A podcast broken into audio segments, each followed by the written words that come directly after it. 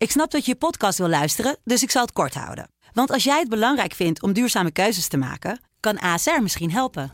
Nou hoor ik je denken, hoe dan? Nou, bijvoorbeeld bij het duurzaam herstellen van schade. Of de premies die we beleggen volgens ons duurzaam beleggingsbeleid. Dat bepaalt waar we wel en juist niet in investeren. Wil je meer weten over welke duurzame keuzes ASR maakt? Ga dan naar asr.nl slash duurzame keuzes. ASR doet het. Zo, dan kan je nu lekker naar je podcast luisteren. Dit is de politieke podcast van de Telegraaf. Er is iets gaande wat veel meer lijkt voor te sorteren op stevig ingrijpen. Als je ziet naar die adviesaanvragen en je ziet wat ze daar allemaal vragen, dan wordt het allemaal veel meer richting wat we vorig jaar rond deze tijd hebben gezien. Dat is heel griezelig. Afhameren met Wouter de Winter en Kamran Oela. Vrijdag 5 november 2021 is het, uh, is het alweer. Uh, een, een, dag voordat de coronamaatregelen, nieuwe maatregelen weer ingaan. Je begint er helemaal van te stralen. Nee, nee, nee. Dat is natuurlijk pure ellende, maar dat het vorige week al over gehad. Ja, dat, ja precies. Toen zat het allemaal aan te komen. En ja. Uh, ja, nu weten we inmiddels hoe en wat precies. En, en vervolgens ook een debat in de Kamer geweest. En nou, daar gaan we het zo meteen uitgebreid over hebben. Um, er was een, een, een, een, een samenzijn met Justin Trudeau in Nederland. En toen kon Jesse Klaver eindelijk zijn grote voorbeeld. Ik weet niet of je eerder had ontmoet, maar nu echt ontmoeten. Dat was echt uh, alsof je dubbel zag voor veel mensen natuurlijk. Maar uh, dat vond Justin zelf trouwens ook. Maar daarover straks ja, meer. Dus we beginnen eerst even met, uh, met de formatie. Want de, de, nou, de, de hoofdrolspelers zijn allemaal naar het noorden afgereisd. in Groningen, om ook met de slachtoffers daar te spreken van de gasellende of de, de aardbevingsellende moet ik eigenlijk zeggen. Maar er klinkt ook wat positief nieuws. Het, het lijkt erop dat ze eruit gaan komen dit jaar nog. Ja, ja we hoorden er eigenlijk natuurlijk al, al uh, eind vorige week positieve berichten over. Uh, nadat ze op de Zwaluweberg waren geweest. Hè. Dat was een, een, een samenzijn waarvan we na afloop al hoorden eigenlijk op die donderdagavond al en vrijdag bleef nog de secondanten achter dat, het, ja, dat er meters gemaakt waren. Hè. We konden toen ook in de kranten beschrijven dat ze bijvoorbeeld op stikstof elkaar behoorlijk genaderd zijn. En dat is een, een van de eigenlijk echt hete hangijzers die politiek moet worden afgekaart. Los van de, ja, de bekende stokpaardjes rond asielbeleid en uh, medisch-ethische kwesties. Uh, dus dat ging de goede kant op. En dat hebben ze eigenlijk gecontinueerd, uh, begrijpen wij, die goede sfeer toch ook deze dagen in Groningen op het provinciehuis in Groningen, waarin ze aan het spreken zijn over onder andere Groningen, wat uh, ja, gaat over de aandacht hebben voor de slachtoffers, maar ook over ja, deskundigen, over wat is nou de toekomst daar en wat is nou wel en niet nodig. Ook als het gaat om versterkingsoperaties, wat is het achterstallige ja, beleid. Er is veel beloofd, maar er is, vinden mensen in Groningen weinig waargemaakt. Dus nou, het is dan heel goed als de betrokkenen daar ook bij aanwezig zijn, uh, die, die beslissingen gaan nemen. En wat opviel overigens, onze verslaggever Leon Brandsema, die was daarbij. Je, je hoort het al aan, aan, zijn naam, Leon Brandsema. Dat is noordelijk. Um, een andere provincie, of niet? Uh, ja, of, ja, volgens mij Sema was dan weer Groningen, oh, ja. geloof ik. En Sma, dat, toevallig uh, heb ik achtergronden ook in Friesland. Voor de helft van mijn familie. En dat is dan weer... Uh, Stra is ook Fries, begreep ik. Maar goed, Leon kan het allemaal veel beter uitleggen. En hij zal me corrigeren. Als maar hij was erbij. Hij was erbij. En het viel hem op bij de inloop van, van die sessie. Dat er buiten natuurlijk allerlei al um, boeren, burgers en buitenlui zich verzameld hadden om de onderhandelaars ook alvast een boodschap mee te geven. En dat waren natuurlijk gedupeerden uit Groningen van de gaswinning, maar ook boeren bijvoorbeeld, eh, die toch ook aandacht wilden voor hun situatie daar. En eh, wat onze verslaggever opviel is dat uh, Gert-Jan Segers, Wopke Hoekstra, Pieter Heerma, Mark Rutte uh, ook echt de tijd namen om die mensen te spreken bij binnenkomst. Um, en dat het, de delegatie van D66 al gelijk naar binnen liep. Dat je toch een beetje op wie zijn die mensen? Nou, we hebben wel begrepen dat ze binnenskamers wel hebben gesproken met een delegatie van de mensen die daar ook voor de deur stond. Maar die wilde verder niet in de publiciteit. Maar er is wel door alle partijen, ook door D66, uh, mee gesproken. Um, en dat was ja, de eerste dag zijn ook in een naburige horecagelegenheid blijven slapen vannacht. En uh, vandaag praten ze verder. Vandaag is vrijdag. En dan gaat het uh, eigenlijk niet per se meer alleen over Groningen. Maar het is eigenlijk een, wat ze inmiddels in het Haagse jargon noemen, een logementsessie. En de logementsessies zijn eigenlijk gewoon onderhandelingsdagen. Het logement slaat op dat gebouw aan de overkant van de, van de eigenlijke Tweede Kamer aan de overkant van het plein waar men uh, vergadert sinds uh, het Binnenhof natuurlijk uh, is dichtgegaan vanwege de verbouwing. En dus vandaag is een gewone onderhandelingsdag. En Mark Rutte heeft ook uitgesproken dat hij verwacht dat ze het hier niet bij zullen laten. Dus dat ze de komende weken nog wel één, waarschijnlijk twee keer de hoort op gaan. Omdat het gewoon veel beter werkt als je buiten het Binnenhof bent en niet wordt afgeleid door je dagelijkse politieke werk als minister, premier of fractievoorzitter in de Tweede Kamer. En ook de avonden met elkaar hebt, de ochtenden misschien wel samen aan het ontbijt. Ja, en we hopen natuurlijk, eh, maar dat zijn dingen die ze ons nu nog niet zullen vertellen, want ze willen ons eigenlijk heel weinig inhoudelijks vertellen.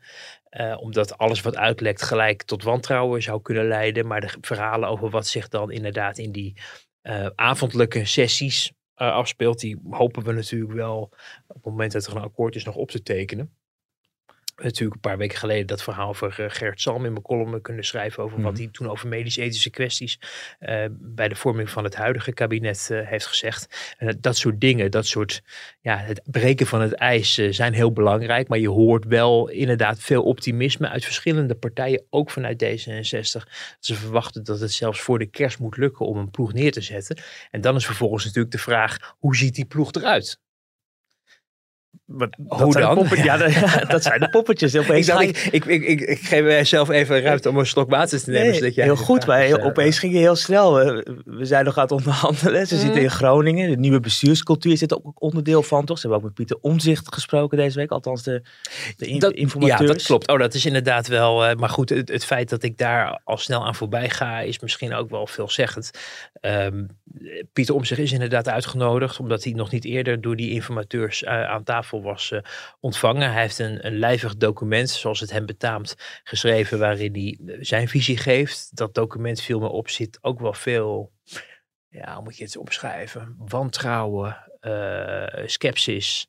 Uh, achterdocht in, in verweven. Omdat hij zegt, ja, ik hoop niet dat ik hier alleen maar ben voor een mediamomentje. Nou, als je je licht opsteekt achter de schermen, dan wordt het toch wel eh, het wel enigszins zo geduid dat het ook bedoeld was om ook voor de bühne te laten zien dat men naar Pieter Omtzigt luistert. Overigens. Afgevinkt. Ja, hoewel wat in dat document staat, zit op een aantal punten zitten hele waardevolle elementen in, die ook helemaal niet per se alleen maar door Pieter Omtzigt beweerd worden in mhm. Den Haag. Maar wel heel goed, denk ik, dat ze zijn opgeschreven. Want het zijn wel dingen waar hè, probleemanalyses en ook oplossingsrichtingen, waarin je denkt, nou ja, daar kan je echt wel je voordeel mee doen. Dat is echt geen onzin allemaal wat er staat. Uh, maar er staan ook dingen in waarvan je denkt, ja, uh, met alle respect, maar je vertegenwoordigt één zetel. In de peiling natuurlijk meer, maar in één zetel. En als je dan gaat zeggen, ja, de politiek leiders mogen, uh, moeten maar niet in het kabinet gaan zitten, maar in de Kamer. Alle vier. Nou ja, dus ook de minister-president. Weet je, dat, dat zijn wel van die dingen dat je denkt, ja, dat is jouw mening. Maar daar gaan misschien de partijen ook zelf over natuurlijk. Dus dan is het vooral een heel persoonlijk document. Um, maar goed, er is met hem gesproken. Wat me wel opviel is dat hij heeft gesproken met de informateurs. En um, de, mijn aanvankelijke idee was dat daar ook de, de onderhandelaars bij zaten van die vier partijen. Bijvoorbeeld de secondanten. Of dat, maar, dat, maar ook dat, daar is geen, eh, geen tot weinig of geen, ja, geen behoefte aan. Je merkt vooral bijvoorbeeld bij een partij als uh, het CDA dat uh, men eigenlijk alleen maar ehm, meer afstand aan het nemen is van Pieter Omtzigt. Niet zozeer inhoudelijk, maar wel vanwege zijn modus operandi. Mm we hebben natuurlijk dat uitgelekte document gezien mm, waar hij om uh, vertrok bij het CDA. Um, dat zette al veel kwaad bloed, omdat mensen het idee hadden dat daar een, een, een, eh, een visie op ehm, de werkelijkheid uh, gegeven werd die niet waar was. Waar veel mensen het idee hadden van ja, hij zegt dat het zo is gegaan, maar dat is niet zo. Veel mensen voelden zich ook onder de bus uh, gegooid door hem. En daar kwam natuurlijk de vorige week nog dat verhaal over die Operation Black Hand bij, waarin um, ja, ook zijn naam opdoken, waar hij met een verklaring van afstand probeerde van te nemen van ik heb van meet aan gezegd dat ik dat niet wilde. Terwijl je in het CDA juist hoort van hij was van meet aan heel erg bezig, bijna geobsedeerd. Het was een, een, een letterlijk citaat van, uh, van een van de uh, ja, toch hooggeplaatste CDA'ers die ik sprak. Die zei, uh, hij was geobsedeerd met Rutte. Dus hij was wel degelijk heel erg bezig met hoe kunnen we Rutte aanpakken. Dat betekent overigens niet dat je hem daarmee over die seksualiteit en zo, want dat is van Voor buiten. mensen die het vergeten zijn, die Operation Black Hand ging dat er binnen het CDA werd nagedacht over een soort dirty campaign. Ja. Hè, echt richting Rutte sch- Ja. schade. Ja, precies. Om hem zo te beschadigen en, en dus ook heel erg op de persoon Rutte te richten. En hij heeft, Pieter Omtzigt heeft in die verklaring gezegd van ik heb daar, zodra ik daarbij betrokken werd, snel afstand van genomen. Je hoort in, hoog in het CDA dat, er, dat hij juist erg enthousiast was om Rutte aan te pakken. Maar dat, of wie er nou gelijk heeft, kunnen Mm. wij moeilijk eh, vaststellen. Alleen wat je merkt is dat de, de, de boosheid eh, over eh, hoe hij een beschrijving geeft van het verleden en hoe dingen zijn gegaan. Veel mensen tegen de borst eh, stuit en daar die ook wel veel onherstelbare schade heeft aangericht. Hè, Er werd nog in het, rond de zomer gedroomd dat hij nog terug zou keren, maar dat, ja, dat zie je gewoon echt niet meer gebeuren. Eh, maar goed, dat was inderdaad nog even het uit. Toch goed dat je dat nog even het en, eh, uitstapje Een klein uitstapje gemaakt. Hè? Ja. Pim had gezegd dat geheel terzijde, maar Ja. we hebben hem niet geheel terzijde gehouden. we Gewoon We volledig hebben behandeld. Pim even terzijde gezet, Ja. maar we hopen dat hij natuurlijk volgende week ook weer. Zeker, zeker. Eh, maar dan terug naar de decembermaand. Want ergens tussen Sinterklaas en kerst zouden misschien wel een kabinet op het eh, bordes kunnen staan. Ja.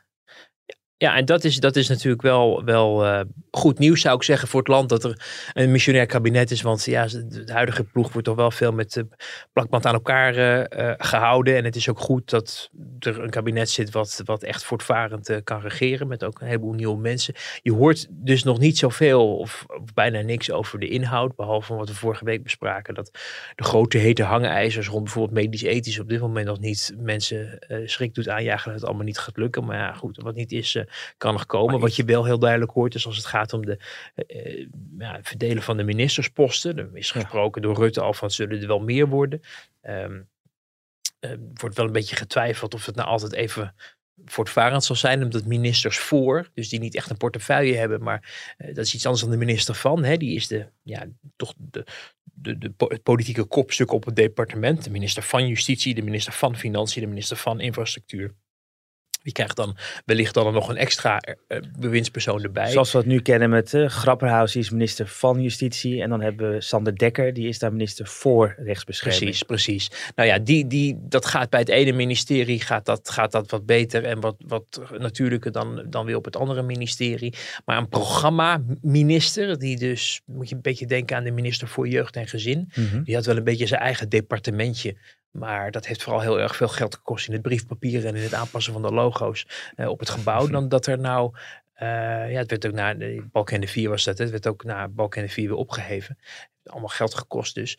En dat is dan iemand die zich over alle andere portefeuilles ergens mee bezig kan houden. Het, voordeel daarvan werd destijds gezegd, en dat hoor je af en toe nog steeds, dat hij dan ja, een soort super departementaal het overzicht kan houden van hoe dingen uh, gaan. Bijvoorbeeld rond uh, gezinsbeleid, maar wordt nu gesproken over klimaatbeleid. Nou, klimaat zit nu bij economische zaken en klimaat.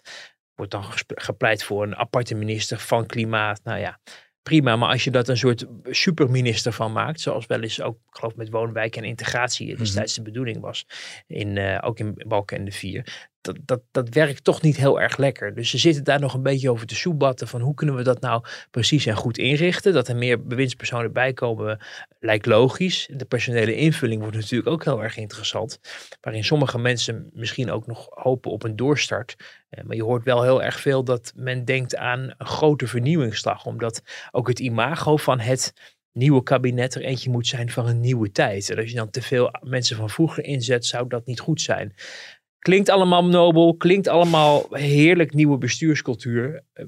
De praktijk leert wel dat uh, politiek bedrijven een vak is. En dat juist de mensen die weinig politieke ervaring hebben, um, meestal niet zo ontzettend goed uh, schoppen als uh, bewindspersoon. Dus ik ben heel benieuwd of ze daar een modus in kunnen vinden die niet alleen een nieuw gezicht geeft, maar ook echt nieuwe daadkracht en nieuwe inzichten en ervaringen met zich meebrengt. Die uh, nou ja, ook echt zorgen dat de spijkers met koppers kunnen worden geslagen. Even dat voorbeeld van die ministers voor. Je geeft een aantal voorbeelden uit, uit het verleden ook. Hè? Dus dat, aan de ene kant moeten dat een soort superministers zijn, want die hangen erboven. Maar in de praktijk wordt daar niet voor de sterkste mensen vaak gekozen, als ik dat mag zeggen. Um, nou ja, het, het, het is met de samenstelling van het huidige kabinet was het soms ook gewoon de sluitpost. Hè, van wat moeten we nog met die? Het was trouwens het, het kabinet van uh, Rutte 2 ook. Hè. Op een gegeven moment, ik meen dat de NRC daar ooit een mooi verhaal over had geschreven. Dat onder, de kop, wat doen we met Stef Blok? Want toen waren ze klaar met onderhandelen. En toen was er nog één iemand over die nog geen post had. Die hebben ze toen bij minister voor Wonen van gemaakt. Nou, die heeft daar uh, een aantal dingen gedaan waar nu iedereen van roept schande. Want onder Stef Blok is het allemaal misgegaan en kunnen we onze huizen niet meer betalen. Uh, die verklaarde zich ook uh, op een gegeven moment dat een woningmarkt af was. Dus dat er voor hem niet zoveel uh, meer te doen was. dus je ziet dat, is, dat dat zijn van die dingen die dan op het laatste moment nog in worden gefietst. Soms ook uh, om de politieke verhoudingen in een kabinet uh, of in een coalitie in balans te houden. Hè? Dat je toch qua stemverhoudingen, uh, en als het niet om stemmen gaat, want staatssecretarissen kunnen niet stemmen in de ministerraad, maar dat je in ieder geval ja, toch een politieke balans houdt. Of een extra spion hebt op een departement, wat je ook merkte de afgelopen jaren, dat was in dit kabinet, maar ook in het vorige kabinet, is dat op het moment dat er bewindspersonen van één partij zitten. Dat een departement alleen maar bevolkt wordt door bewindspersonen van dezelfde partij. Dat dat andere partijen in een coalitie eh, ja, toch wel tegen de borst stuit. Omdat je werkende wijs merkt dat je geen inzicht hebt in wat daar in de krochten van mhm. zo'n departement gebeurt. En dat het toch ook wel handig is als je een soort spion, zeg ik even tussen aanhalingstekens, hebt. Die uh, bijvoorbeeld in het geval van, van financiën, dat je niet alleen maar CDA's hebt die dat hele machtige departement min of meer bestieren. Maar dat er ook eerst één, nu twee D66'ers zitten die ook bij de ministerstaf zitten en weten welke problemen er zijn en kunnen daar iets van kunnen vinden, maar ook hun partij af en toe kunnen nou ja, begeleiden in moeilijke vraagstukken of kunnen tippen over wat er gebeurt op het moment dat dingen uit de klauwen lopen. Dus dat soort dingen spelen ook een rol. Dan gaat het dus al lang niet meer over, oh god, we gaan allemaal mensen vinden die niet zozeer misschien VVD, CDA, ChristenUnie of D66 zijn, maar ze zijn vooral heel goed allemaal tot je dienst. Mhm. Nee, je wil ook gewoon uh, controle houden op datgene wat er gebeurt in zo'n kabinet. En, en vooral je, je, je ogen en oren hebben op verschillende plekken die belangrijk zijn als het gaat om het landsbestuur. Kijk, afhameren is natuurlijk een podcast langs de lijnen van de inhoud, zou ik uh, zeggen. Maar de poppetjes zijn natuurlijk altijd. Uh, zeker. Uh, ook nu wil je zeker van mij horen wie dit allemaal gaan doen. nou ja, het liefst wel. Ja, het liefst zou ik het, lijstje zo van, je, van je krijgen. Maar laten we financiën noem jij net. Dat is natuurlijk wel een heet hangijzer. Gaat, blijft dat ministerie bij het CDA? CDA is niet meer de tweede partij, dat is D66. Of gaat het naar D66? Misschien wel Sigrid Kaag. Ja, en eh, we hebben het in vorige edities er ook nog wel even over gehad of het mhm. handig is voor Sigrid Kaag om minister van Financiën te worden. Ze zouden het in principe kunnen claimen als uh, de op een na grootste partij, omdat het gaat naar, naar volgorde van grootte. Mag iedereen iets uitzoeken? En nou, VVD zegt wij willen graag uh, de minister van Algemene Zaken en de minister-president leveren. Dan denk je oké, nou dan ga je naar de volgende en dan wordt het meestal het ministerie van Financiën, want dat wordt het, het op één na machtigste ministersambt of misschien is het nog wel machtiger de facto omdat het over het geld gaat. Mhm. Maar goed, iedereen kijkt altijd naar de minister-president als voorzitter natuurlijk van de ministerraad als de belangrijkste. Maar dan is het logisch dat D66 dat claimt. En als ze dat doen, dan zou Sigrid Kaag dat zelf kunnen doen. De vraag is of hij dan heel erg kan ontplooien als uh, de voorvechter van het nieuwe leiderschap. Want je bent mhm. wel heel erg met cijfers bezig en met bepaalde uh, nou ja, dynamieken die elk jaar hetzelfde zijn. En waar je ook heel veel tijd uh, en energie aan kwijt bent. En al die tijd kan je niet inzetten om jouw politieke agenda na te streven. of je partij te begeleiden. Want dat moet iemand anders doen, want jij bent druk met andere zaken. Dus daarom is die combinatie vicepremier, minister van Financiën niet altijd even gelukkig gebleken. Wouter Bos had het, had het bijvoorbeeld ook heel zwaar als minister van Financiën en vicepremier en partijleider. Um, en ze hebben goede mensen in, in huis. Hè. Hans Veilbrief is natuurlijk nu de staatssecretaris van Financiën. Die zou ook prima minister uh, kunnen mhm. worden. Uh, als D66 dat claimt tenminste. Want ze zouden ook kunnen zeggen: wij vinden het zo belangrijk dat we het klimaatbeleid uh, nu tot ons belangrijkste doel willen eh, stellen. Ook omdat wij natuurlijk proberen om die kiezers van GroenLinks en de PvdA, die naar ons zijn overgelopen, vast te houden. En niet uh, weer terug te laten vloeien naar Jesse Klaver en de Liliane Ploemen. Dus dan is het ook wel belangrijk als je ook nou, gezicht geeft. Dat mensen ook kunnen zien van kijk, ze, ze gingen er echt voor als ze het tenminste zelf wil gaan doen. Uh, dus dat is, dat is op zich eh, ook een mogelijkheid. Maar Maar eerst in Den Haag, en ik, het is heel moeilijk om in te schatten van wat gaat D66 nou precies doen en hoe gaan die, gaat het uitwisselen van die posten nou daar aan tafel. Want het kan soms ook weer allemaal veranderen op het moment dat er één domino steentje een andere kant op valt. Dan moet Mhm. het weer gecompenseerd worden in de verdeling en dat is allemaal ingewikkeld. Maar waar je eerst nog had kunnen verwachten dat als er een kabinet, de Kaagcoalitie zou komen, dus een kabinet van VVD, D66, CDA, PvdA, GroenLinks, dat dat voor het CDA zo pijnlijk zou zijn omdat ze zo naar links werden getrokken en, en als, als, als middelgrote partij tegenwoordig dan eh, ja, ook heel moeilijk zouden, zich kun- zouden kunnen onderscheiden in zo'n coalitie, dan zou je kunnen redeneren dat D66 z- zou ja, ter compensatie zou gunnen van oké, hou je dan het Mogen in het minister, ministerie, ja, ja. precies.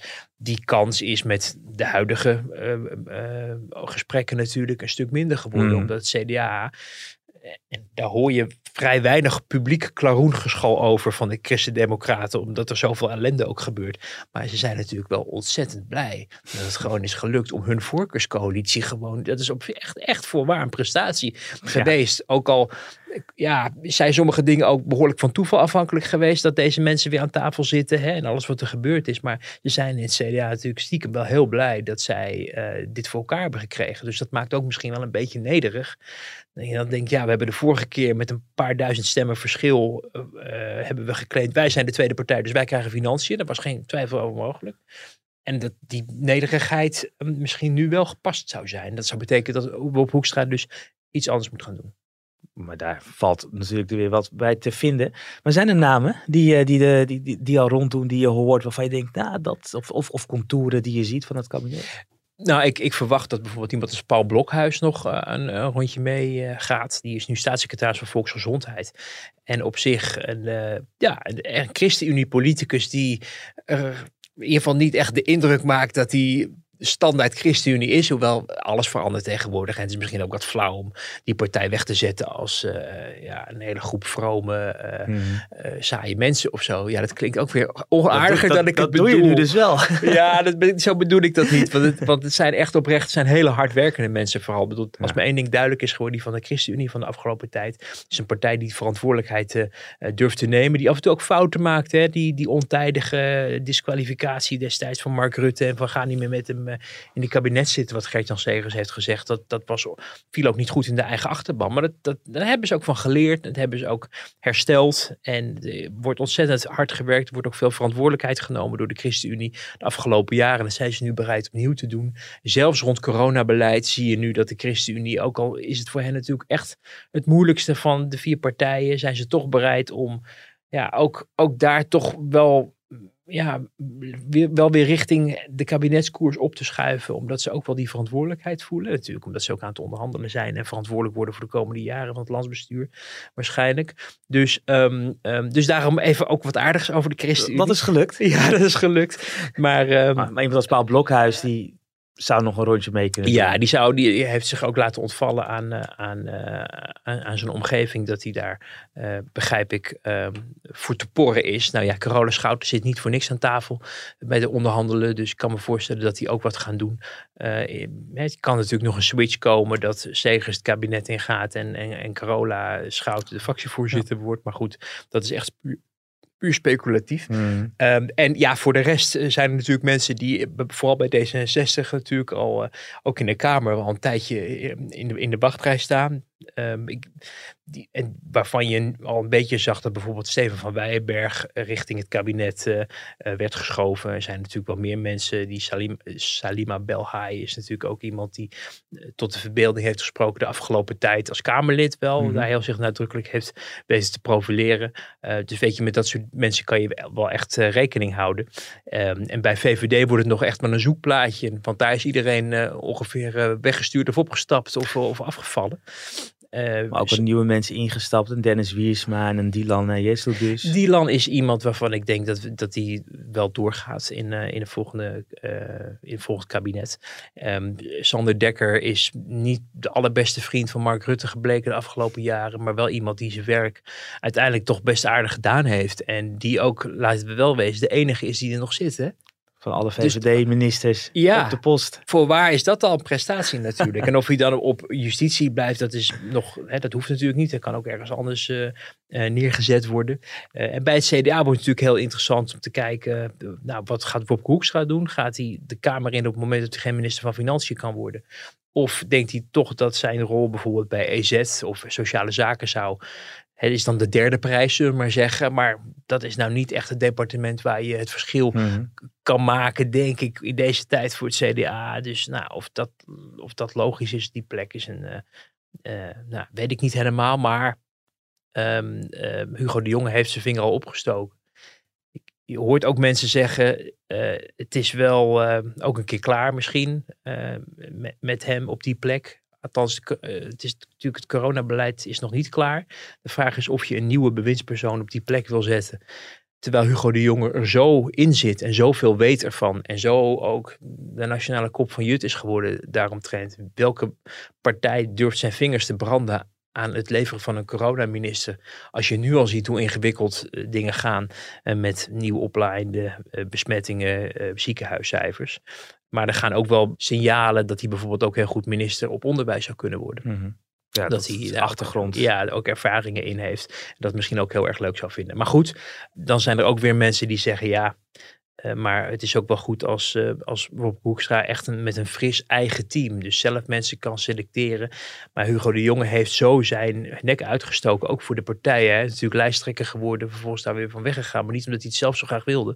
Maar omdat Rob Hoekstra nee zegt, eh, zei. En in het CDA wordt loyaliteit en verantwoordelijkheid nemen bij de echte harde kern van die partij wel echt heel erg gewaardeerd. Het zou heel raar zijn als hij dan op een zijspoor zou belanden. Ik denk niet dat iedereen de partij dat eh, des CDA's zou vinden. Nee, nou, hoe dat precies gaat, dat gaan we, dat gaan we de komende maand, zes weken eh, zien. Maar dat is dan de, de verwachting. Het, het wordt in ieder geval wel koud op het bordes. En met Ja. nieuwe maatregelen, anderhalf meter afstand houden op Ja. het bordes. Ja, dat wordt, dat wordt nog. Dat, nou, de meest- meter is nog niet ingevoerd. Hè? Nou, het is een advies, maar als je het goede voorbeeld wil geven, dan moet ze natuurlijk Ja, wel- ja, want weet je wat het is? Het goede voorbeeld. Ik hoorde van een minister eh, deze week dat hij dus instructies had gekregen. Dat hij vandaag bij de mi- mi- ministerraad ook het mondkapje voor moest doen. Want het is natuurlijk op dit moment nog niet, eh, sowieso niet in de buitenlucht is het verplicht. Maar je zag vorige week al heel, heel, ja, poppenkastachtige eh, Vert Grapperhaus heel opzichtig al met een mondkapje rondlopen en zijn auto ingaan. Ja, Dat je die, die moet haast wel. Die heeft natuurlijk zingend Ja, die- gegooid. Be- Better be safe than sorry, denkt hij. Maar dat je ook wel dacht van ja, oké. Nu is het wel zo, hoor je van ook be- mensen die in het buitenland, bewindspersonen die in het buitenland ook bij die, bij die Glasgow eh, top Mhm. zijn. Maar ook eh, eh, andere buitenlandse gelegenheden die ze moeten bezoeken voor hun werk. Dat het daar veel strenger is, ook in die contraien. Dus daar loopt men alleen maar met mondkapjes. Wordt men alleen maar eens in zoveel dagen ook getest. eh, soms elke dag. Dus dat is echt heel stevig. En ons landsbestuur is meer zoals de rest van de samenleving. Namelijk van, nou ja, het zal, het zal, het zal niet zo'n vaart lopen. Ehm, en, nou, maar je ziet nu wel een kentering, in ieder geval in het kabinet. Eh, vorige week al Grapperhaus. Deze week bij het coronadebat ineens ook Rutte. Eh, en Hugo de Jonge die weer met een mondkapje begonnen voor te lopen. En nu zijn er dus ook instructies gegeven om vandaag vrijdag naar de ministerraad te komen met het mondkapje voor. Zodat mensen alvast eraan kunnen wennen dat je dat moet doen. Alleen ja, het eigenaardige daarbij is dat je dat dan weer opdoet. Kennelijk als je je auto in of uitstapt. Terwijl ehm, het gaat voor de publieke binnenruimte. Ja. Dus dat zou eigenlijk betekenen dat op het moment dat je AZ binnengaat, je het mondkapje moet gaan dragen. Ook al is de regel pas zaterdag actief. Ja. Dus nou, Nee. laten we het maar noemen dat het het goede voorbeeld moet geven. Precies, ja. Ze proberen het goede voorbeeld te geven. Maar in ieder geval, het bordes wordt er dan wel heel erg, eh, heel erg breed als ze daar... De, Ja, als of daar als het, eh, ja, tens, ja, nou ja, als het, of met mondkapje voor. Oh, nou ja, als het buiten is, hoeft dat dan sowieso niet. Nee. Dus dat kan misschien weer anders zijn. En anderhalve meter is nog niet, het is Nee, wel het afstand houden, maar het is nog niet anderhalve meter ingevoerd. Eh, is dus in feite, eh, op dit moment niet, maar dat zou dan betekenen dat er nu een kabinet zou moeten zitten. En de crux is, en daar gaan we denk ik de brug maken richting Zeker, het coronabeleid, eh, is dat, dat tegen de tijd dat het kabinet er zit, eh, de anderhalve meter wel degelijk de nieuwe of de herstelde norm kan zijn. kan zijn, maar dat is dus langzamerhand. We zien die cijfers deze week weer oplopen, ook na die persconferentie. Dit is echt serieus wat, wat in Den Haag, wat je voelt als je mensen spreekt. Dat alles wordt klaargemaakt om weer vergaande maatregelen te Ja, nemen? je, je, je ziet het uh, eigenlijk al gebeuren in het OMT-advies. Wat is verschenen woensdagochtend, dus Mhm. na de persconferentie van het kabinet. Daarin zie je dat men vanuit het ministerie adviesaanvragen bij het OMT heeft ingediend. Dat is alweer een tijdje geleden overigens. Hè. Het advies wat gegeven is, dateert van 28 oktober. We zitten inmiddels, vandaag op 5 november, Ja. zijn we dus weer een week verder. En er is ook alweer veel veranderd. En het kabinet was toen al met die adviesaanvraag richting 28 oktober een aantal dingen aan het vragen die niet in het pakket zitten wat deze week van kracht wordt. Namelijk voor de helft weer thuiswerken, eh, mondkapjes voor. Nee, dit zijn vragen die gaan over, eh, zou je weer de anderhalve meter in kunnen voeren? Eh, zou het aan te bevelen zijn om uh, sluitingstijden weer te vervroegen? Moeten we denken aan, het OMT komt er zelf ook mee, het sluiten van sectoren. Mind you, dat is natuurlijk... Zouden weer bepaalde winkels kunnen zijn? ja, dat, dat begint op lockdown te lijken. Mhm. Men sorteert nu vanuit het kabinet in het publiek nog heel erg voor op het uitbreiden van de coronapas. Waar dan volgende week vrijdag een wetsvoorstel voor komt. Wat zogenaamd zou pas komt als het allemaal verder uit de hand loopt. Maar je hoorde dat de ministers zichzelf ook al aan het verspreken waren door de aan te kondigen dat die wetsvoorstellen er gaan komen. En dat gaat dan over dierenparken, pretparken en uh, niet-essentiële winkels waar mensen dan kunnen eisen dat je een coronapas uh, laat zien. Mm -hmm. En dan in, in verdere instantie moet dat dan bijvoorbeeld ook op de werkvloer of in de, in de zorg gaan gelden. Met de bedoeling dat werkgevers de mogelijkheid krijgen om dat te doen. Betekent dus niet dat het daarmee automatisch verplicht wordt, maar dat werkgevers dat kunnen vragen, omdat ze dat nu officieel niet mogen afdwingen. Ze mogen het wel vragen om u geen antwoord te geven. Dat, dat lijkt de koers, maar als je ziet naar die adviesaanvragen en je ziet wat ze daar allemaal vragen, Hmm. ja, dan wordt, het, dan wordt het allemaal veel meer richting wat we vorige, uh, vorig jaar rond deze tijd hebben gezien. Nou, toen zijn we in december echt naar lockdown gegaan. Hè? Dat Ja. we, het, het avondklok kwam in, even daarna, geloof ik. Ja. Maar de winkels gingen dicht, de kappers gingen dicht. Dus allerlei sectoren die daadwerkelijk gewoon weer moesten sluiten. Ja, precies. En dat, dat is echt, uh, dat is heel griezelig Mhm. natuurlijk. En je, wat je ziet ook in zo'n coronadebat, dat mensen zich ontzettend druk maken over het feit dat je bij de, bij de amateursport aan de zijlijn je coronapas moet laten zien. En dat mensen het veiligheidsberaad, de burgemeesters ook ach en wee klagen, want hoe moeten ze dat allemaal handhaven? En daar gaat dus die hele aandacht naar uit. En er wordt een enorm nummer van gemaakt. En, en in alle media, ook bij ons, wordt dat als het belangrijkste onderdeel van het debat eruit gefilterd. Van nou ja, dat gaat in ieder geval niet door. Terwijl er een pakket achter zit wat veel breder is, veel omvangrijker en veel meer invloed heeft. Plus dat er al heel erg wordt voorgesorteerd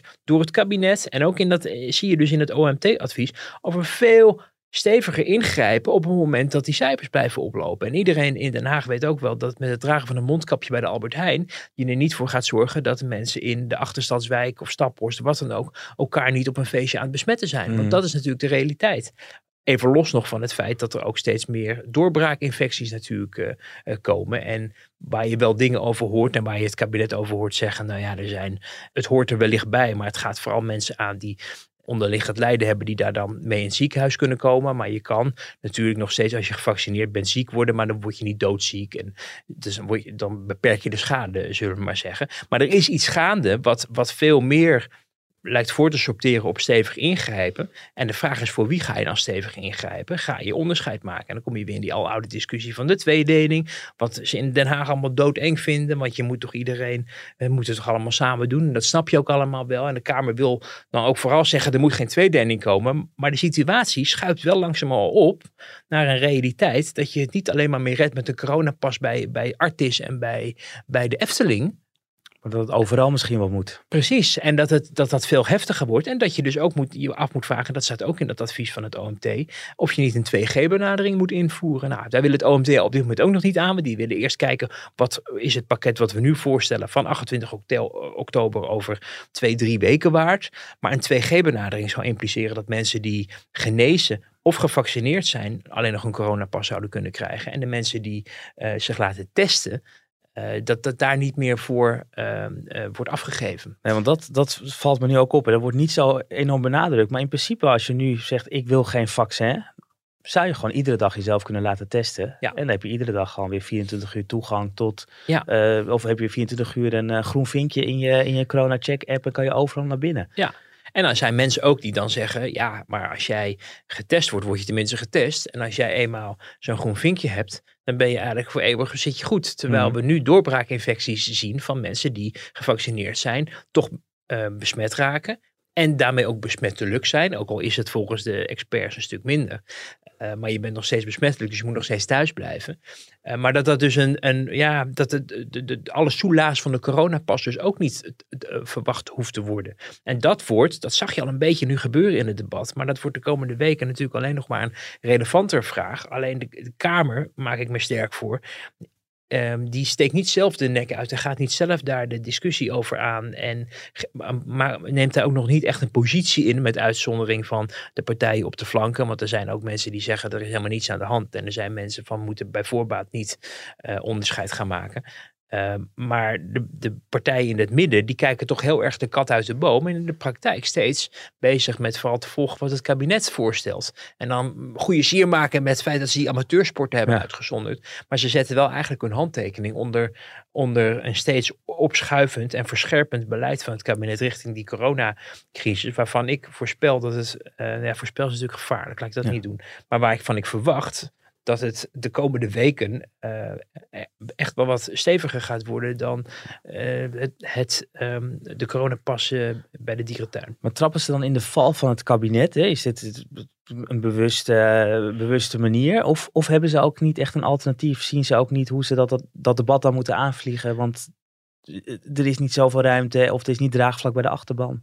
Nou ja, je ziet de geschiedenis zich eigenlijk herhalen. Hè? Je ziet hoe er in het voorjaar van vorig jaar, maar eigenlijk de hele coronacrisis, eh, het kabinet is wat de koers uitzet. Dat ook niet altijd even succesvol heeft gedaan, ook vaak fouten heeft gemaakt. Maar dat het niet de Kamer is die op een gegeven moment heeft gezegd, en nu gaan we de andere kant op.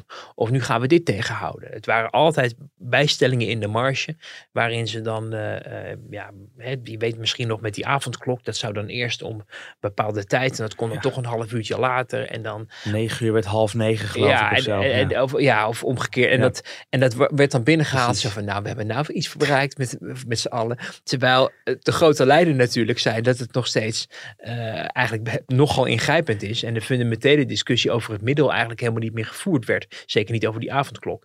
En, en ja, je, je ziet dat eigenlijk nu eh, eh, op dit moment eh, ook gebeuren. Dat ehm, de, de Kamer wel bij Nieuwsuur huilie-huilie doet over het feit dat ze toch harder, meer hadden moeten doen. En niet alles maar voor zoete koek hadden mogen aannemen van het kabinet. En meer vragen hadden moeten stellen. En niet zo volgzaam en zo. En sommigen hebben ook vragen gesteld, maar kregen daar dan een, ja, een antwoord op. Of een heel later antwoord op. En daar konden ze niet zoveel mee. Maar de, de, de, je ziet de geschiedenis herhalen. Omdat ik in, het, in, in de Kamer de afgelopen week in het coronadebat niet ineens een Kamer zag die eh, zelfstandig dacht van nou, we geloven het allemaal wel. We gaan zelf eens even de, de, de lijnen bepalen en het kabinet fors bijsturen. Mhm. Daar is geen sprake van. Omdat men toch niet weet, niemand weet het eigenlijk. Het is afwachten hoe dit zich gaat ontwikkelen. Mensen hadden niet verwacht dat het nu weer allemaal zo heftig zou zijn. We krijgen, worden nu geconfronteerd met de doorbraakinfecties waar in Amerika al maanden over geschreven wordt. Ja.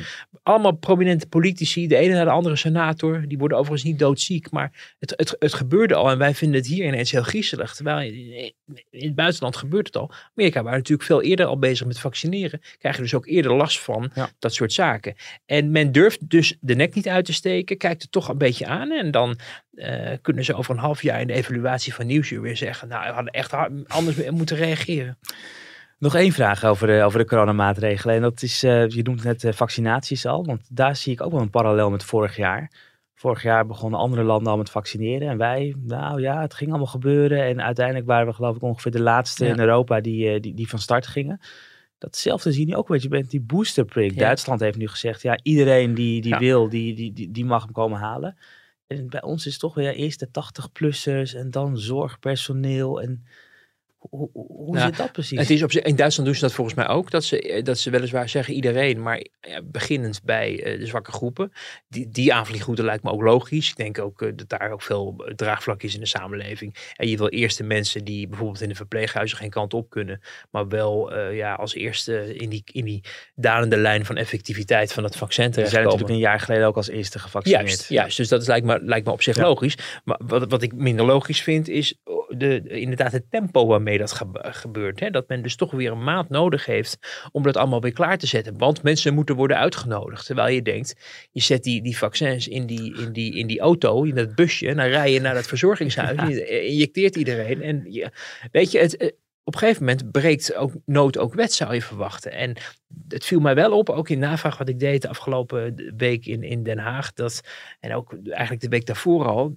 Want toen begon het ook al een beetje te spelen met die boosterprikken. En ook ehm, waar ik dan een beetje zorgen op maak is, hebben we genoeg vaccins? Mm Want hè, kunnen we, je weet maar nooit. Dus dan ga je naar het corona dashboard en dan zie je die leveringen. En dan staat er dat we al twee weken geen uh, Pfizer hebben gekregen meer. En nog wel wat Moderna. Maar dan staat er ook bij, ja deze grafiek wordt niet meer bijgewerkt. Dat ik denk, oh, uh, Oké, maar als er niet meer wordt bijgewerkt, komt het dan ook niet meer binnen? En hoe kunnen we eigenlijk controleren of er nog wat binnenkomt? En hebben we met 4,7 miljoen Pfizer-vaccins genoeg om onze ambities waar te maken om uh, die hele bevolking weer te gaan vaccineren als we dat zouden willen, of de hele bevolking, de mensen die daar dan uh, dat willen.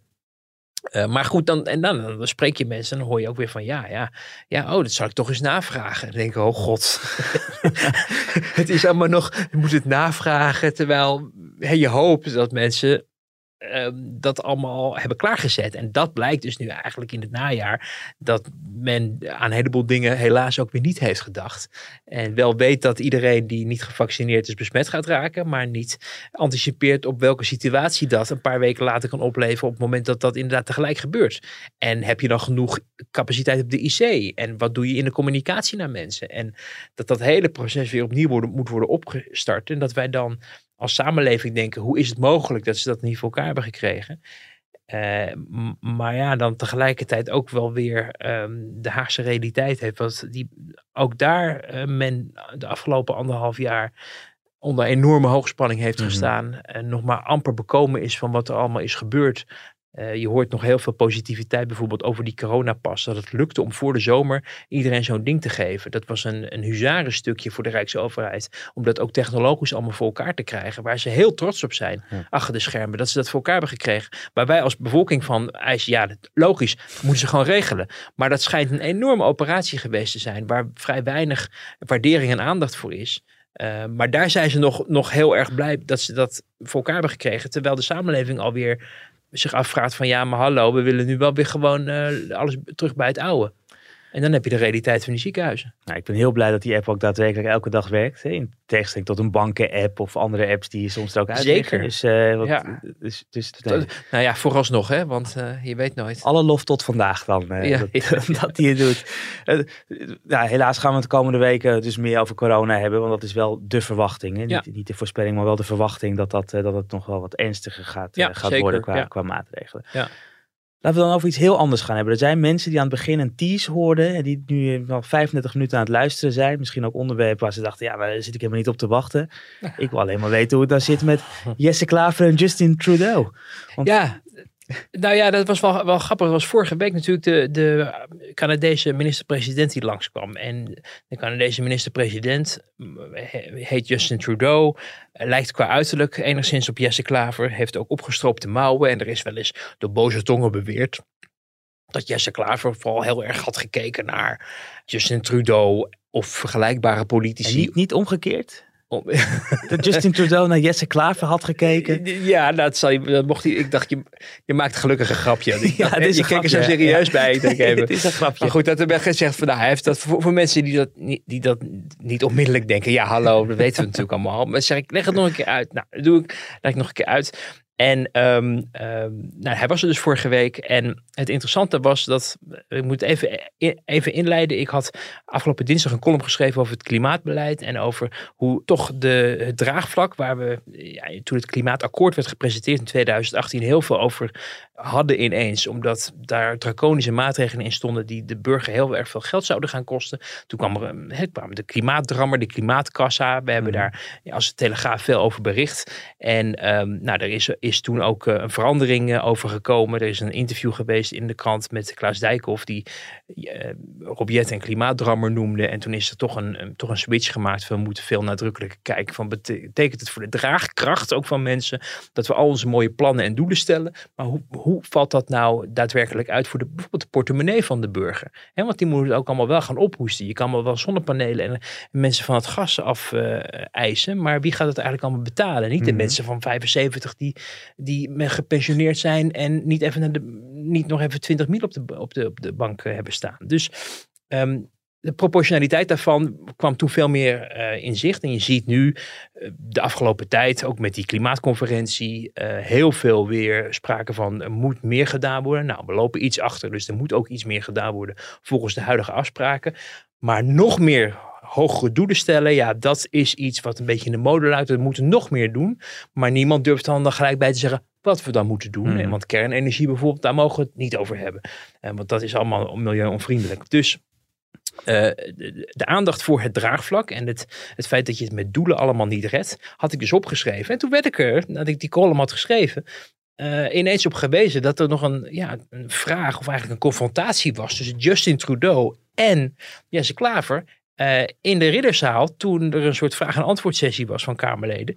En Jesse Klaver dus een vraag stelde aan Justin Trudeau. En dat klonk zo. If I'm correct, this ambition is a little bit lower than the ambition of the European Union. Uh, so, is it possible that you will announce next week that Canada will go for a much higher ambition when it comes to climate change? One of the things I think we've all seen over the past, not years, but decades, from governments around the world is a lot of fanfare around targets. Around, we're going to you know, hit this target for Kyoto, we're going to hit that target for Paris. And unfortunately, so much of the energy is around setting the targets rather than digging into actually having a concrete plan and roadmap to get there. Thank you for your question. Nice hair. nice, nice hair. Nice hair. Nou ja, zo pets, dacht ik ja.